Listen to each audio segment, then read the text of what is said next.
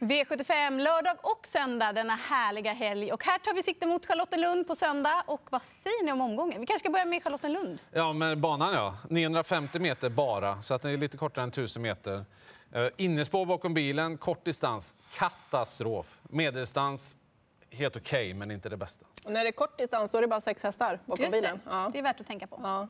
Sen har vi ju en svår omgång. Det är danska, det är svenska, holländska, finska, italienska hästar varit och grottat i alla möjliga lopparkiv och försöker sätta in dem mot varandra. Det är inte enkelt. Nej, det är annorlunda, men det är roligt. Och för de som gillar hög utdelning så har det ju varit det om man backar bandet nu mm. sju år tillbaka. Så att, ja, det kan bli väldigt roligt på söndag. Ska vi dra igång och syna favoriterna? Tycker jag.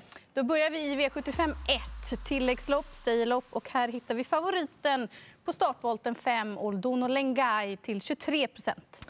Jag trycker rött. Även om han kommer med fyra raka segrar här och han har visat härlig styrka så Nej, jag vet inte. Spår 5 kan ställa till det. Han möter mycket mer rutinerade hästar och och eh, tuffingar som står på tillägg här.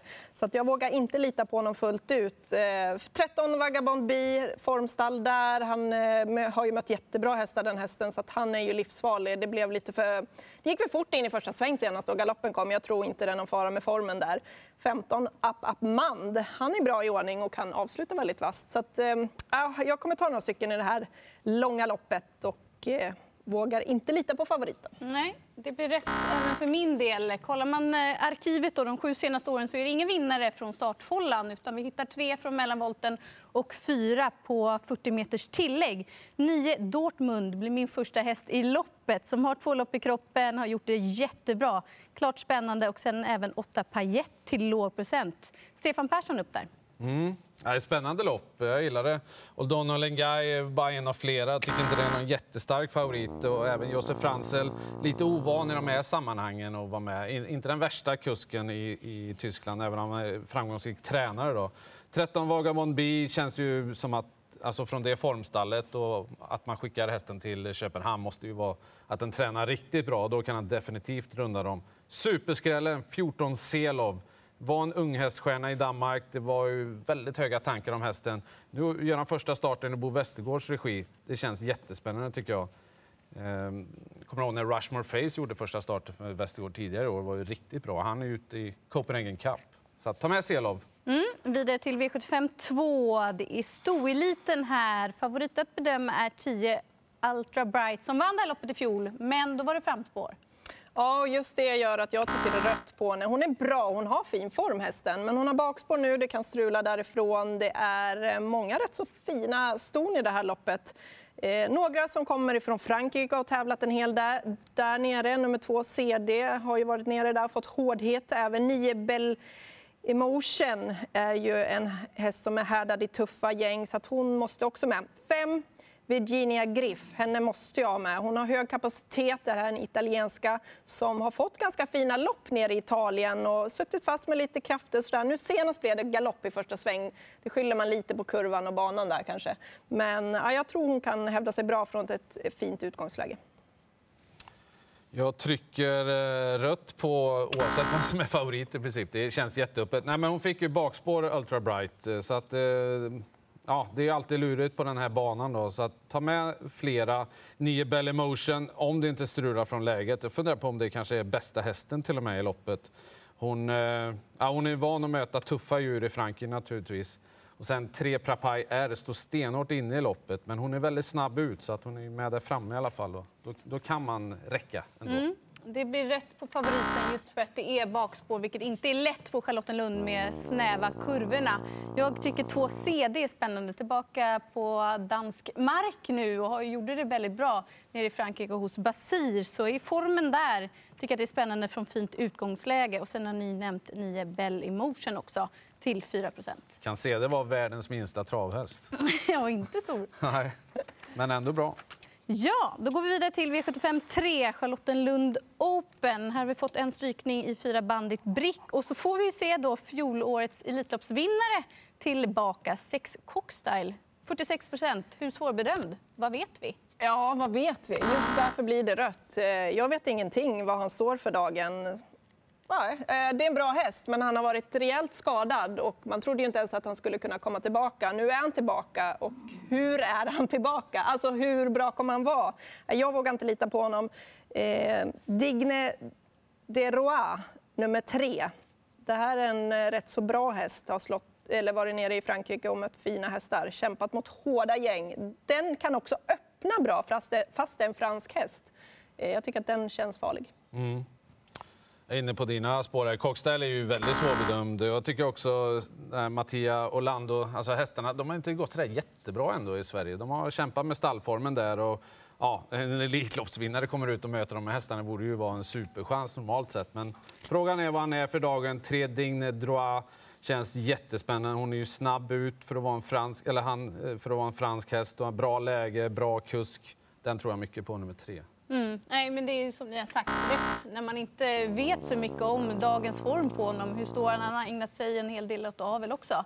Så att svårbedömd formen här, förutom de ni har nämnt, så ett Ids Boko svarade för en väldigt stark prestation senast och landade på en fin 11-tid över distansen och slog då Speedyface och Tycon Conway Hall, så den känns tidig. är ju andrahands favorit nu och kanske, kanske kan det vara den man går på till slut beroende på informationen från Cockstyle. Då bläddrar vi vidare till V75 4. Och här är det fyraåringseliten. Och, eh, oj, oj, oj. 60% på fem Ben Gurion Jet. Ja, men jag, jag, tror att den är stenklar. Alltså, jättefin häst, vann med sparat senast. Ser ut att vara hur stark som helst och hur bra som helst. Jag tror att de andra får ducka när den där kommer ångandes. Jag tror att den vinner. Ja. jag fortsätter. Jag tror att den här är svår att stoppa. Vilken häst, vilket intryck det har varit på honom. Och från det här utgångsläget, nej, jag tror tyvärr de andra har inte en chans. Ja, det här är bästa hästen eh, i loppet.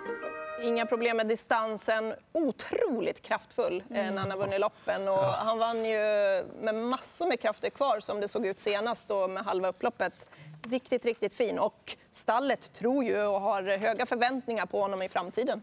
Mm fattar inte att den bara vunnit fyra lopp. Det har inte sett ut så på sistone. Nej, Nej verkligen inte. Vidare till V75 5, klass 2-försök med finalerna på Sovalla Elitloppshelgen. Och här är det ganska så jämnt, men favorit att bedöma är 7 Edens Boy till 24 procent. Mm. Ja, jag trycker illgrönt på den. Jag, jag tror massvis på 7 Edens Boy. Alltså, han är hur stark som helst. De har ju ryckt skorna här nu de två senaste starterna. Han lyft sig yt ytterligare. Eh, och kusken är offensiv. Jag har hört också att de är väldigt nöjda med hästen inför det här. De siktar på Harpers med Edensborg. Vi får se hur det blir då, men oavsett så är han ju... Jag, jag tycker han är superintressant till bara 24 procent i, i det här loppet. Delar dina tankar där. Jag kommer spika till den här procenten. Eh, var jättebra från ledningen senast och visade gången innan att han tål att göra jobbet också. Och de här Harpers-tankarna, det var nytt. Väldigt spännande. Då hoppas ja. man att han genrepar på allra bästa sätt. Ja, jag gillar lunket i honom också och just det här ja, så lätt som han har vunnit på det sättet. Eh, det finns mycket i honom. Eh, bra tider dessutom har han vunnit på, så att, rätt favorit. Jag är inte helt säker på att jag vågar gå på honom med tanke på utgångsläget, men rätt favorit. Top 7-tankar då? Någon rolig skräll där bakom? Ja, det är ju en knepig Top 7. Det är väldigt segervana hästar. Edensborg som, som sagt högt upp eh, är den. Fem Body and Soul är inte mm. så tokig eh, med lopp i kroppen. Tre Star Obrigado kanske inte vinner, men fyra femma ska det nog vara. Mm. Då går vi vidare till V75 6 och då är det Copenhagen Cup. Och det är tre Cyberlane som eh, bär favoritskapet till 78 procent. Ja, det är en galen procent på honom. får vi se vad det slutar i. Det är klart att han ska väl någonstans vara favorit då med det läget han har och så. Men eh, jag vet inte. Lite bättre form skulle jag vara säker på att han har för att eh, tro riktigt på honom här. Och han kommer ju med nästan all sannolikhet få Baja Keno över sig. Alltså Junior Guelpa är ju få som är mer offensiva med, med sin häst än vad han är. Och eh, ja, då kan det bli fart på det och då är det inte säkert att han orkar hela vägen Cyber Lane. 10 Zakaria Bar, den har ju väldigt mycket kunnande i sig den hästen och, och får han det att stämma hela loppet och det blir tempo, då, då tror jag den blir livsfarlig. Mm. Han blir ju röd till den här procenten. Han är klar första häst i loppet, men inte till 78 procent. Han har visat att han trivs där nere och klarar av den här banan. Men som du säger, det är inte säkert att han får bestämma någon bit i det här loppet. Och jag tycker att det är, är spännande med låg procent på nummer fem Extreme som har två lopp i kroppen, avslutade bra bakom Aetos Kronos senast när han fick chansen. Så den vill jag gärna betala för. Sten Hjul håller sin häst väldigt högt. Mm, eh, jag skulle vilja trycka ja. grönt, men det är pro först. procenten. Ja. Ja, det är ju för mycket procent såklart, men det kan mycket väl vara spets och slut här. Men lite rädd också där då att det blir för tufft tempo, att han får tryck av nummer 9, Bahia Casno. Så att, eh, min eh, värsta häst emot är 10, eh, Zakaria Bar, om den fungerar. Mm. Går vi till avslutningen och här är det ju väldigt, väldigt jämnt. Nu när vi spelar in det här så är favorit att bedöma nummer fem Il Duce Boko, Mark Elias, till 21 procent. Väldigt öppet lopp där.